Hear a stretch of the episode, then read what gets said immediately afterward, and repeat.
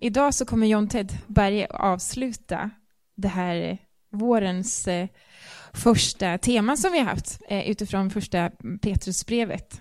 Eh, och nu har vi kommit till de allra sista verserna i kapitel 5 och jag läser verserna 1 till 11 och ni kan följa med här på skärmen bakom mig. Jag uppmanar nu de äldste bland er, jag som själv är en av de äldste och vittne till Kristi lidanden och som också har del i den härlighet som kommer att uppenbaras. Var herdar för Guds jord som finns hos er och vaka över den, inte av tvång utan av fri vilja så som Gud vill, inte för egen vinning utan med hängivet hjärta. Uppträd inte som herrar över dem som har kommit på er lott utan var föredömen för jorden. Och när den högste heden uppenbarar sig så ska ni få härlighetens segerkrans som aldrig vissnar. Likaså ni yngre, underordnar er de äldre, och ni alla klä er i ödmjukhet mot varandra. Ty Gud står emot de högmodiga, men de ödmjuka ger han nåd. Ödmjuka er alltså under Guds mäktiga hand, så ska han upphöja er när hans tid är inne. Och kasta alla era bekymmer på honom, för han har omsorg om er. Var nyktra och vaksamma. Er motståndare djävulen går omkring som ett rytande lejon och söker efter vem han ska sluka. Gör motstånd mot honom, orubbliga i tron, och tänk på att era bröder här i världen utstår samma lidanden. All nåds Gud som har kallat er till sin eviga härlighet i Kristus. Han ska upprätta, stödja, styrka och befästa er sedan ni en kort tid har lidit. Hans är makten i evighet. Amen. Det är Guds ord till oss idag. Varsågoda och sitt. Och varmt välkommen fram John Ted. Och eh, jag ska fortsätta lite grann på också det temat som Linda slog in på vad gäller psalm 27. Det blir, ibland så flyter det ihop så bra. Det gör ju det. Man skulle kunna tro att någon har tänkt till. Jag vill eh, avsluta den här serien, gäster och främlingar, utifrån de här elva verserna. Och jag, ska, jag, ska, jag kommer att liksom att göra ett väldigt, väldigt enkelt och eh, alls inte fullständigt personporträtt utav Petrus. Och så, så går jag in lite, lite grann också på David, kung David ifrån gamla testamentet utifrån tre eh, punkter som jag vill lägga upp den här förkunnelsen på, på det sättet. Jag ska alldeles strax berätta om. Petrus han skriver det här brevet, som vi har sagt, till en ung församling som lever i någon slags förtryck och förföljelse under den romerska ockupationsmakten. En, en församling som vill stå fast, en församling som vill leva ett synligt Jesus efterföljande liv och Petrus utifrån som en far vill tala till församlingen, uppmuntra församlingen och sina läsare idag år 2016, United Stockholm. Ehm, I en kultur då, då som nu, som går i en helt annan riktning än kanske vad församlingens kultur gör. Inget nytt därav. Och man, man kan nästan ana, och då, vi har kommit nu till de sista orden alltså i första brevet som Petrus skriver, att eh, det finns en desperation, det finns en, en eager, alltså han är ivrig, han är lite smått desperat. Han vill verkligen skicka med någonting till sina läsare. Tack. Han vill verkligen han vill verkligen rusta och utrusta och skickliga och liksom skicka med så här, lägga ner saker i resväskan på resan som man ska gå. Och, och, han, och jag vill bara säga det, liksom vi har då förstått utifrån temat vi har talat om. Petrus skickar inte med, alltså han signalerar inte följande, att bakom hörnet släpper allt motstånd. Bara, bara ni kom, alltså han signalerar inte, bara ni kommer upp på kullens topp, sen blir det frid och fröjd. Och allting blir fantastiskt. Utan snarare så signalerar han att ni har upplevt motstånd och förmodligen så kommer det bli mer motstånd och kanske ännu tuffare motstånd. Och därför vill jag rusta er och liksom skicka med er goda råd och tips. Likt ett skepp som ska ut på en lång färd så rustar man skeppet med liksom kättingar och rep och ankare och förnödenheter och mat och liksom överlevnadskit. Likt föräldrar som ska skicka iväg sina barn ut i liksom verkliga livet, de flyttar hemifrån, de flyttar till studentorten och olika saker, så, så vill man ju skicka med någonting. Se upp för det här, var rädd om dig, snarorna, liksom, fall inte i den gropen och verkligen rusta och skicka med. Ni hänger med?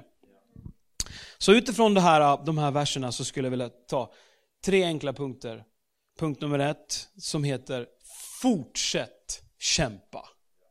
Punkt nummer två är Ta hand om varandra, var herdar. Ta hand om varandra. Och punkt nummer tre, var nyktra och vaksamma. Nyktra och vakna.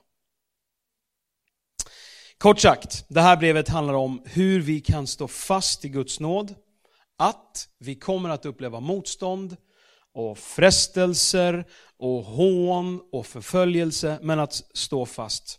Likt en far som vill rusta sitt barn för färden, så vill Petrus rusta församlingen han skrev till och oss idag, 2016. Är ni med? Petrus, Ehm, han, eh, han var ju en ärrad man. Han var ju en, en man kantad utav livets resa. Absolut. Och jag ska helt ofullständigt då försöka berätta lite grann om Petrus. Och mycket kommer du känna igen och mycket är liksom lite upprepning. Men det är bra, Guds ord tåls ju att upprepas. Tycker jag. Ehm, och eh, Petrus då, tillbaka till en, en tid innan korset. När jag ska ställa mig här så att, vi, så att jag får se på Viktor också. Det är viktigt att han ger mig godkänt känner jag. Om han gör tummen upp eller tummen ner. Ja, bra, tack. Så. Eller så ställer jag mig bakom pelaren så att jag inte ser Viktor. Det är kanske är bättre faktiskt. Ehm, till, jo, eh, helt enkelt. Eh, livet med Jesus och Petrus. Och innan korset så var det så här att påsken är ju faktiskt som bara en vecka. Eh, in, eh, och vi kliver in i då skärtorsdag nu på torsdag och långfredag och så vidare. Och helt enkelt stilla veckan som vi går in i nu. Och någonstans inför att Jesus visste vad som skulle komma så samlade han sina lärjungar, de, de var runt omkring Jesus och så sa han så här, hörni, vad, vem säger folket att jag är? Ja, Mm. Vissa säger att du är Johannes döparen som har liksom kommit tillbaks på något sätt. Andra säger att du är Elia, eller någon av profeterna. Ja, och någon tycker att du är en falsk profet. Och så satt de och diskuterade kanske runt någon eld eller någonting sånt där. Och så, så, och så, så frågar Petrus, här, eller Jesus, han frågar så här, och ni då? Vem säger ni att jag är? Och Petrus, Ivrig, impulsiv, passionerad som han var. Vi gillar ju ofta att predika om Petrus, han är ganska lätt att predika om, för han, han var så yvig och hade en sån kraftfull personlighet. Och han då, väldigt orädd, väldigt impulsiv, så säger han bara så här: du, du är Messias, den levande Gudens son. Huh. Man kunde ju bli stenad för mindre. Om man hädade, liksom, Guds son. Är du inte klok? Men, men han, var, han tänkte nog inte efter så mycket och han var väl också i ett ganska tryggt sammanhang. Men där och då så kommer en bekännelse. Och då säger Jesus så här i Matteus 16, när Petrus har bekänt vem han är, du är Messias, den levande Gudens son. Då säger Jesus följande till Petrus, märk väl, Petrus som har skrivit brevet, som vi gör en liten resa nu i hans liv. Jag säger dig, du är Petrus. Det är alltså Jesus som säger. På denna klippa ska jag bygga min församling. Och helvetets portar skall inte få makt över den, alltså över församlingen. Jag ska ge dig himmelrikets nycklar och allt vad du binder på jorden ska vara bundet i himlen och allt vad du löser på jorden ska vara löst i himlen. Jesus gjorde en hyfsat kraftfull uttalelse över Petrus. Att, fast många med mig säger att det var kanske inte framförallt Petrus, utan det var mera den bekännelse som Petrus uttalar. Du är Messias, den levande Gudens son. Bra Petrus, på den bekännelsen, på den sanningen, på den uppenbarelsen vill jag bygga min församling. Att Jesus är Guds son. Och du ska, du ska inte längre vara eh, bara en fiskfiskare, du ska bli en människofiskare. Petrus, du, du ska bli en klippa, och så, så får han ett nytt namn och han blir Kefas. Och det är otroliga om man säger uttalanden. Och, och, jag tror att Jesus även snuddar där vid då, att eh, framåt en bit i tiden i pingst, pingstpredikan som Petrus skulle hålla, hade ju inte han en aning om vid det här tillfället givetvis, men att, att Petrus skulle utgöra startskottet för den första församlingen i Jerusalem, när 3000 människor skulle gensvara och vilja döpa sig och så vidare. Allt det här skulle ju komma, men det hade ju inte den impulsive Petrus en aning om. Eh, även eh, den sista kvällen innan Jesus blir tillfångatagen, alltså nu är vi inne i skärtorsdagen, i, precis innan Getsemane, när man sitter och har en måltid tillsammans. Matteus 26. Hänger ni med? Matteus 26 och 31. Petrus impulsivitet. Då sa Jesus till dem, denna natt ska ni alla överge mig. Det står skrivet att jag ska slå herden och fåren i jorden ska skingras. Men när jag har uppstått, då ska jag gå före er till Galileen. Och Petrus svarade, nej, även om alla andra överger dig så skall inte jag göra det. Och Jesus sa till honom, men, men du, eh, jag säger dig denna natt, innan tuppen gal, skall du tre gånger förneka mig? Och Petrus svarade honom, oh nej, typ så här. Om jag än måste dö med dig så ska jag aldrig förneka dig. Och så sade också de andra lärjungarna. Och det är klart, det är klart att man, man går all in. Det är klart att man har en hög bekännelse. Jag tycker att det är bra med höga bekännelser, och, eh, men det kommer också ett platt fall ibland, eh, allt som oftast på höga bekännelser. Eh, därmed inte sagt att jag inte tycker man ska ha det. Jag tycker att det är bra när man liksom står för något. Och mycket riktigt, bara några verser längre ner i samma kapitel, Matteus 26, så står det i vers 74 så här. Då, nu, nu är då Petrus framme vid den här tjänsteflickan och de har sett Jesus bli bortförd. Då började han, alltså Petrus, förbanna och svära. Inte dåligt alltså. Han börjar förbanna och svära. Jag känner inte den mannen! Hör du vad jag säger? Och strax gol tuppen. Då kom Petrus ihåg det ord som Jesus hade sagt. Innan tuppen gol, gal skall du tre gånger förneka mig. Och han gick ut och han grät bittert. Han grät. Han grät, han hade svikit. Han hade svikit Jesus, han hade inte stått upp för Jesus. Han gick ut och, men han grät av flera anledningar, flera saker. Alltså han, för saker och ting hade gått sönder. Va, va, va, what happened? Hallå? Allvarligt talat. Vi, vi som hade en plan, vi som hade liksom reformatorn Jesus, skulle ju ta över det här liksom samhället och faktum i hela världen. Han skulle ju putta bort kejsaren. Vi, vi, vi, skulle ju insätta en ny världsordning. Vi, vi hade ju en plan, det är ju Guds son för katten. Vad i hela världen hände? Och allting gick sönder. Petrus grät bittert. Jesus, du är ju Guds son. Vad, vad blev det av det här? Sökte svar, fick inga svar, hamnade i ett vakuum. Dagarna gick, lärjungarna var livrädda, de gömde sig i någon slags bunker någonstans. Och vi vet ju facit, vi vet vad som hände. Kristus dog och uppstod och så vidare. Men det hade inte lärjungarna då en aning om. Eh, men eh, det hände då som händer nu oftast. Människor återgår till sin gamla identitet. Människor faller tillbaks i gamla mönster, då som nu. Och bara för att upprepa mig, det här visste, Petrus skriver brevet till församlingen som en far som har gått en lång resa, som har fallit tillbaks i sin gamla natur. Därför att han, det står så här, jag läser för er. Johannes 21. Hänger ni med? Jag vet, jag vet. Det är bara jag som eh, har någon ovana. Johannes 21 och vers 2. Simon Petrus, Thomas, som kallades tvillingen, Natanael från Kana i Galileen, Sebedeus söner och två andra av hans lärjungar, de var tillsammans. Efter liksom allt som hade hänt med Jesus. Simon Petrus sa till dem, nej, jag ger mig ut och fiskar. Och så, så får jag lust att sjunga på den här sången.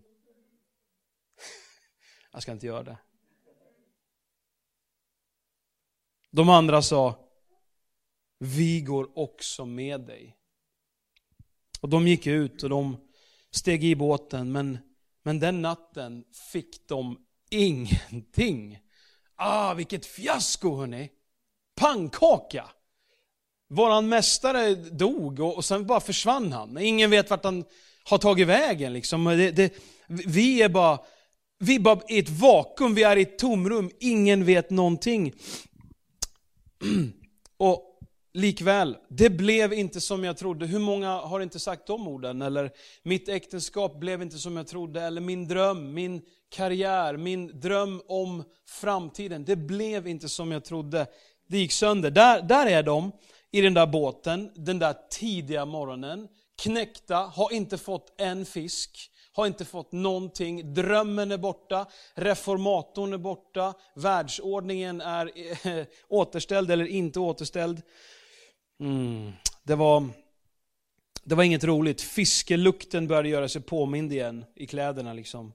Johannes 21 och 4. Tidigt på morgonen, den natten alltså när de har varit ute, stod Jesus på stranden. Men lärjungarna visste inte om att det var han. Och Jesus sa till dem, mina barn, har ni något att äta? De svarade, nej. Och han sa, hörni, kasta ut nätet på högra sidan om båten, då ska ni få. Och de kastade ut nätet och nu orkade de inte längre dra upp det för all fisk. Den lärjungen som Jesus älskade, Johannes helt enkelt, då, det är han som har skrivit evangeliet, sa då till Petrus, så här, det är Herren. Alltså, det var nog ingen riktigt som vågade veta eller tro eller tala ut någonting. Så, det är Herren.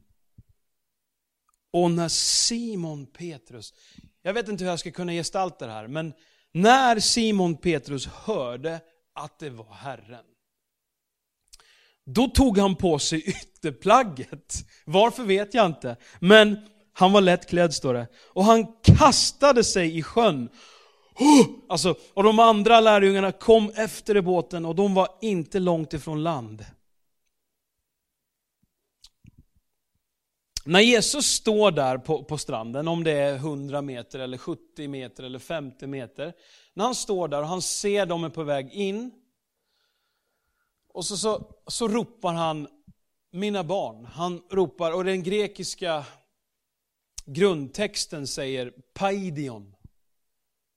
Mina barn. Han står där och ropar, mina barn, paidion. Det är ett eh, varmt familjärt uttryck som är fullt av kärlek, ömhet. Man, när man ska försöka beskriva Viktor och Klaras kärlek till lilla Celeste. När man ska försöka beskriva Anna och Hampus kärlek till sina barn. Nu, ska jag, nu börjar jag nämna namn här och det är dumt för då glömmer man namn plötsligt. Men min och Fredrikas kärlek till våra barn Ester och Edvin och Aron, så är det det grekiska ordet paidion. Alltså det är fullt av kärlek, av värme, omtänksamhet, ömhet. Jag, jag vill ta hand om dig. Det finns omsorg i det uttrycket. Har ni något att äta? Mina barn, har ni något att äta? Jag gillar Petrus därför att vad han gör, han blir, alltså jag, jag ser, ursäkta bilden, jag ser som en stor, helt överlycklig, lufsig stor hund. Svansen bara, åh, det, det är Herren, det är Jesus. Han blir helt galen, han sätter på sin jacka. Vet inte varför, om att den skulle värma honom i vattnet, ingen aning. Och bara liksom, han har inte ens, han har inte ens ro att stanna kvar i båten, han bara måste liksom först till Kristus på stranden och bara, bara slicka honom i ansiktet typ, fast det gjorde han inte, som en hund. Och det var fullt utav känslor och liv och impulsivitet. Och när han, när han kommer till Jesus, så visste han också om den här smärtan av att misslyckas. Kompromisserna, de höga bekännelserna som faller. Jag har svikit honom. Men han, uttrycket, mina älskade barn, har ni något att äta? Jesus, Petrus försonas. Så jag ska, jag ska fortsätta tala om det här lite, lite granna i punkt nummer två. Var herdar, eller ta hand om varandra. Petrus skriver ju det, var herdar för fåren eller för flocken, för jorden. Var herdar för Guds jord hos er och vaka över den, inte av tvång utan frivilligt så som Gud vill, inte för egen vinning utan med hängivet hjärta. Uppträd inte som herrar över dem som anförtrotts er, utan var föredöme för jorden. Och när den högste heden sedan uppenbarar sig ska ni få härlighetens segerkrans som aldrig vissnar. Ja, jag kan stanna där. Tillbaka bara en liten, liten stund till Johannes evangelium, den här stranden och stunden på morgonen när Jesus är där och lärjungarna har varit ute och fiskat. Det står att när de kom i land så fick de se en glödhög och fisk låg på den och bröd. Och Petrus han hade väl inte kanske lysande minnen ifrån sist han var vid en eld och Eh, Jesus och en tjänsteflicka och sådär. Han, han, han hade tre gånger förnekat Jesus. Och eh, Häng med, det här är intressant. Jag ska läsa för dig nu Lukas 22. Petrus blir lite avslöjad i förväg. Alltså Jesus säger ju till Petrus vad han kommer att göra. Lukas 22, då säger Jesus så här, Simon, Simon. Och det här är till United Stockholm, det är till mig och dig. Satan har begärt att sålla er som vete. Och då skulle man önska att Jesus säger, men jag har förbjudit honom.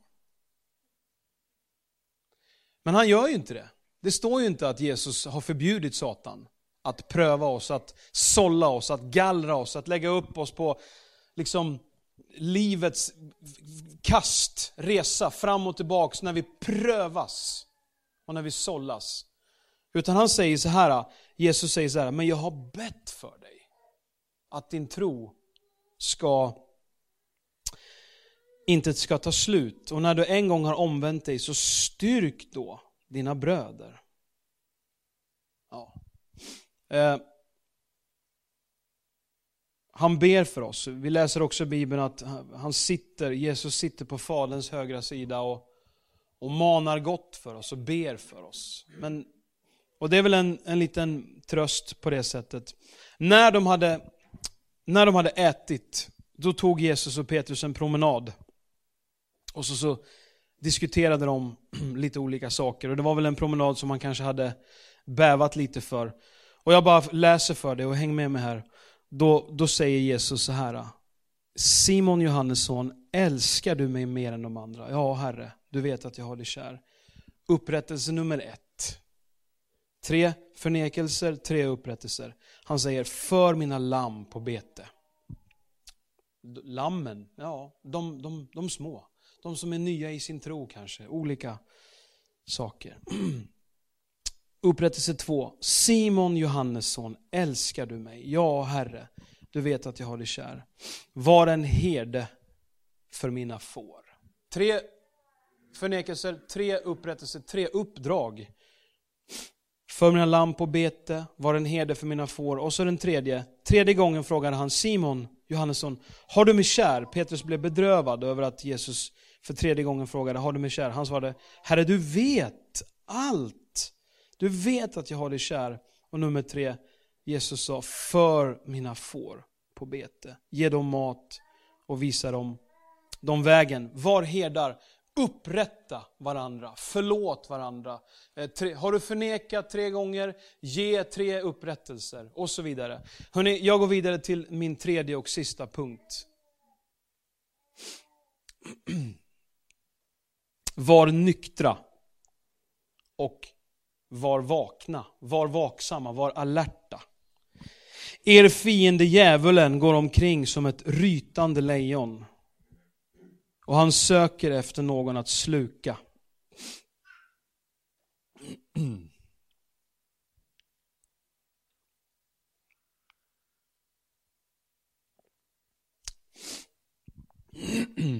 Några bibelord om synd, jättekort. Jakob säger så här i kapitel 1 och 14. Var och en som frestas, någon här som har blivit frestad någon gång? Var och en som frestas dras och lockas av sitt eget begär. Och när så begäret har blivit havande föder det synd. Och när synden är fullmogen så föder den död. Bedra inte, de där orden, bedra inte er själva. Mina älskade bröder. Johannes, första Johannes brev 1 och 8 säger, om vi säger att vi inte har synd bedrar vi oss själva. Och sanningen finns inte i oss. Låt mig göra ett, ett enkelt inspel bara i kung Davids liv.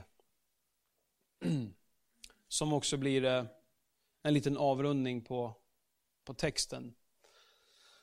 Lägg märke till några saker i den här texten då som, som faktiskt är väldigt intressant också. Kung David i Andra Samuelsboken 11.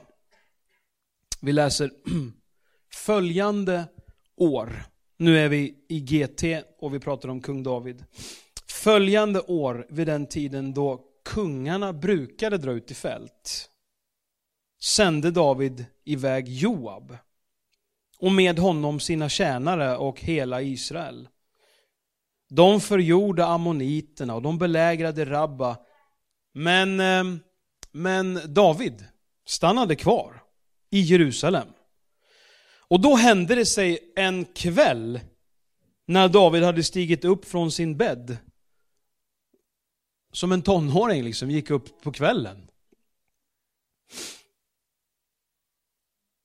Och eh, gick, omkring, gick omkring på taket till det kungliga palatset. Att han från taket fick se en kvinna som badade. Och kvinnan var mycket vacker. David sände bud och hörde sig för om kvinnan och ja, det är Batseba, dotter till Eliam och hustru till hetiten Uria, sade man.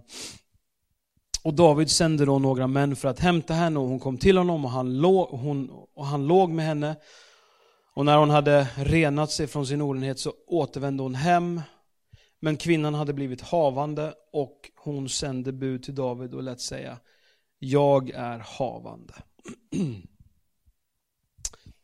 Petrus ord, var, var nyktra och var vakna.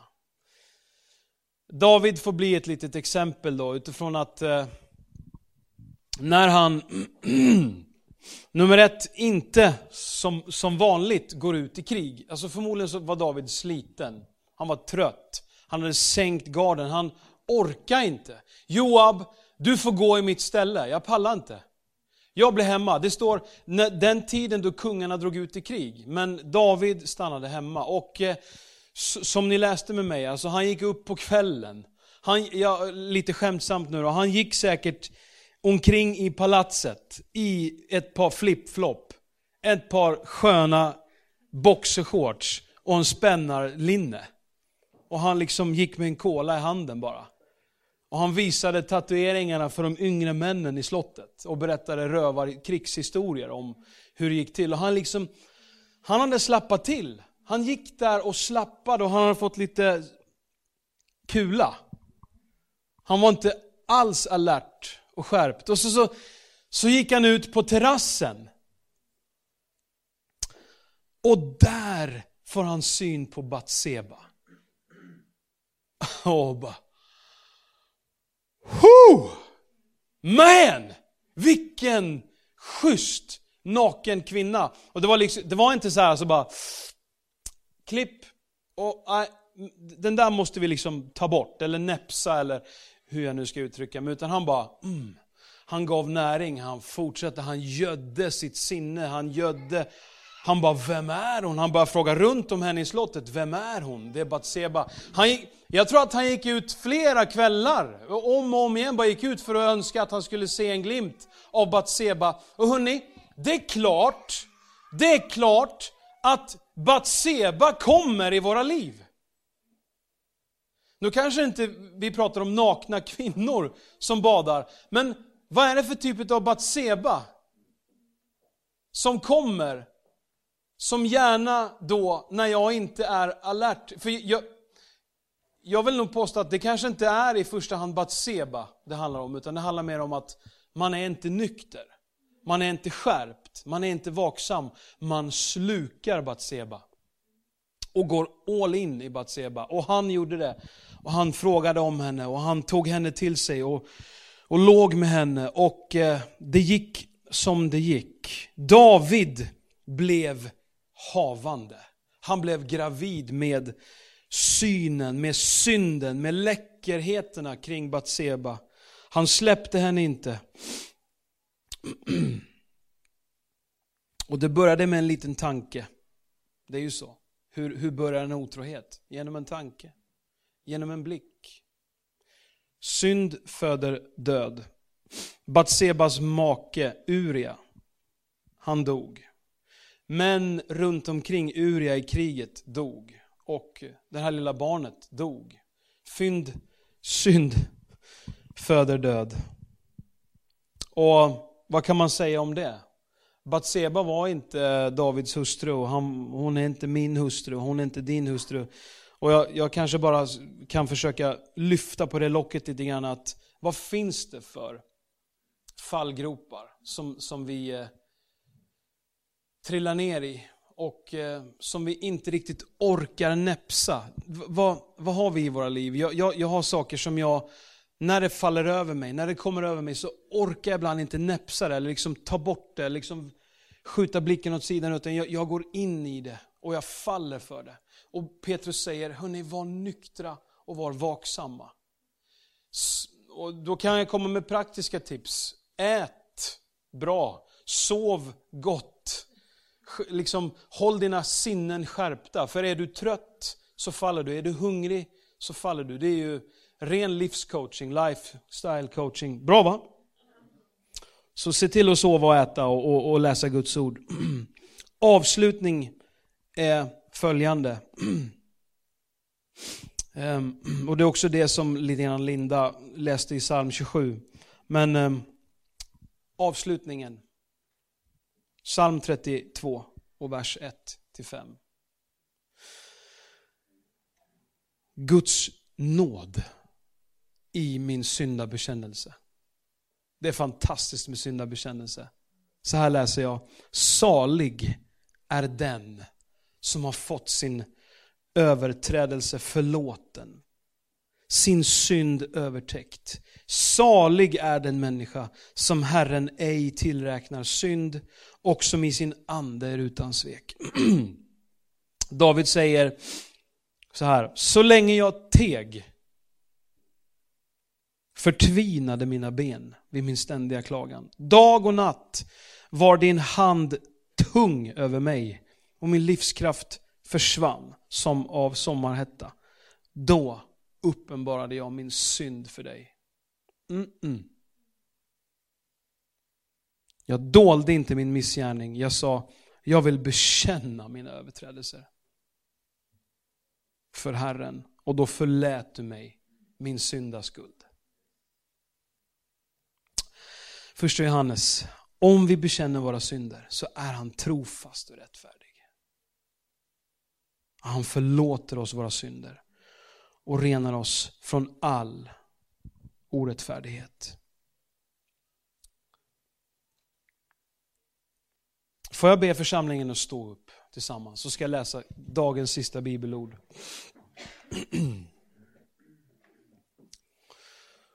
Och Det här är givetvis inte en komplett bild. Jag har gjort ett försök att avsluta temat från tre punkter. Att fortsätta kämpa, ta hand om varandra och vara nyktra och vara vakna. Och Petrus säger så här, efter en liten tids lidande. Det vill han skicka med till den här församlingen och det vill han skicka med till oss idag. Det kommer lidande. Räkna med det. Kanske värre än vad du tänkte. Efter en liten tids lidande så ska all Guds nåd som har kallat er till sin eviga härlighet i Kristus upprätta, stödja, styrka och befästa er. För hans är makten i evighet. Amen. Far i himmelen, jag tackar dig för ditt ord. Och jag tackar dig för att Bibeln, den är inte perfekt. I, i, I den bemärkelsen att den beskriver inte perfekta människor.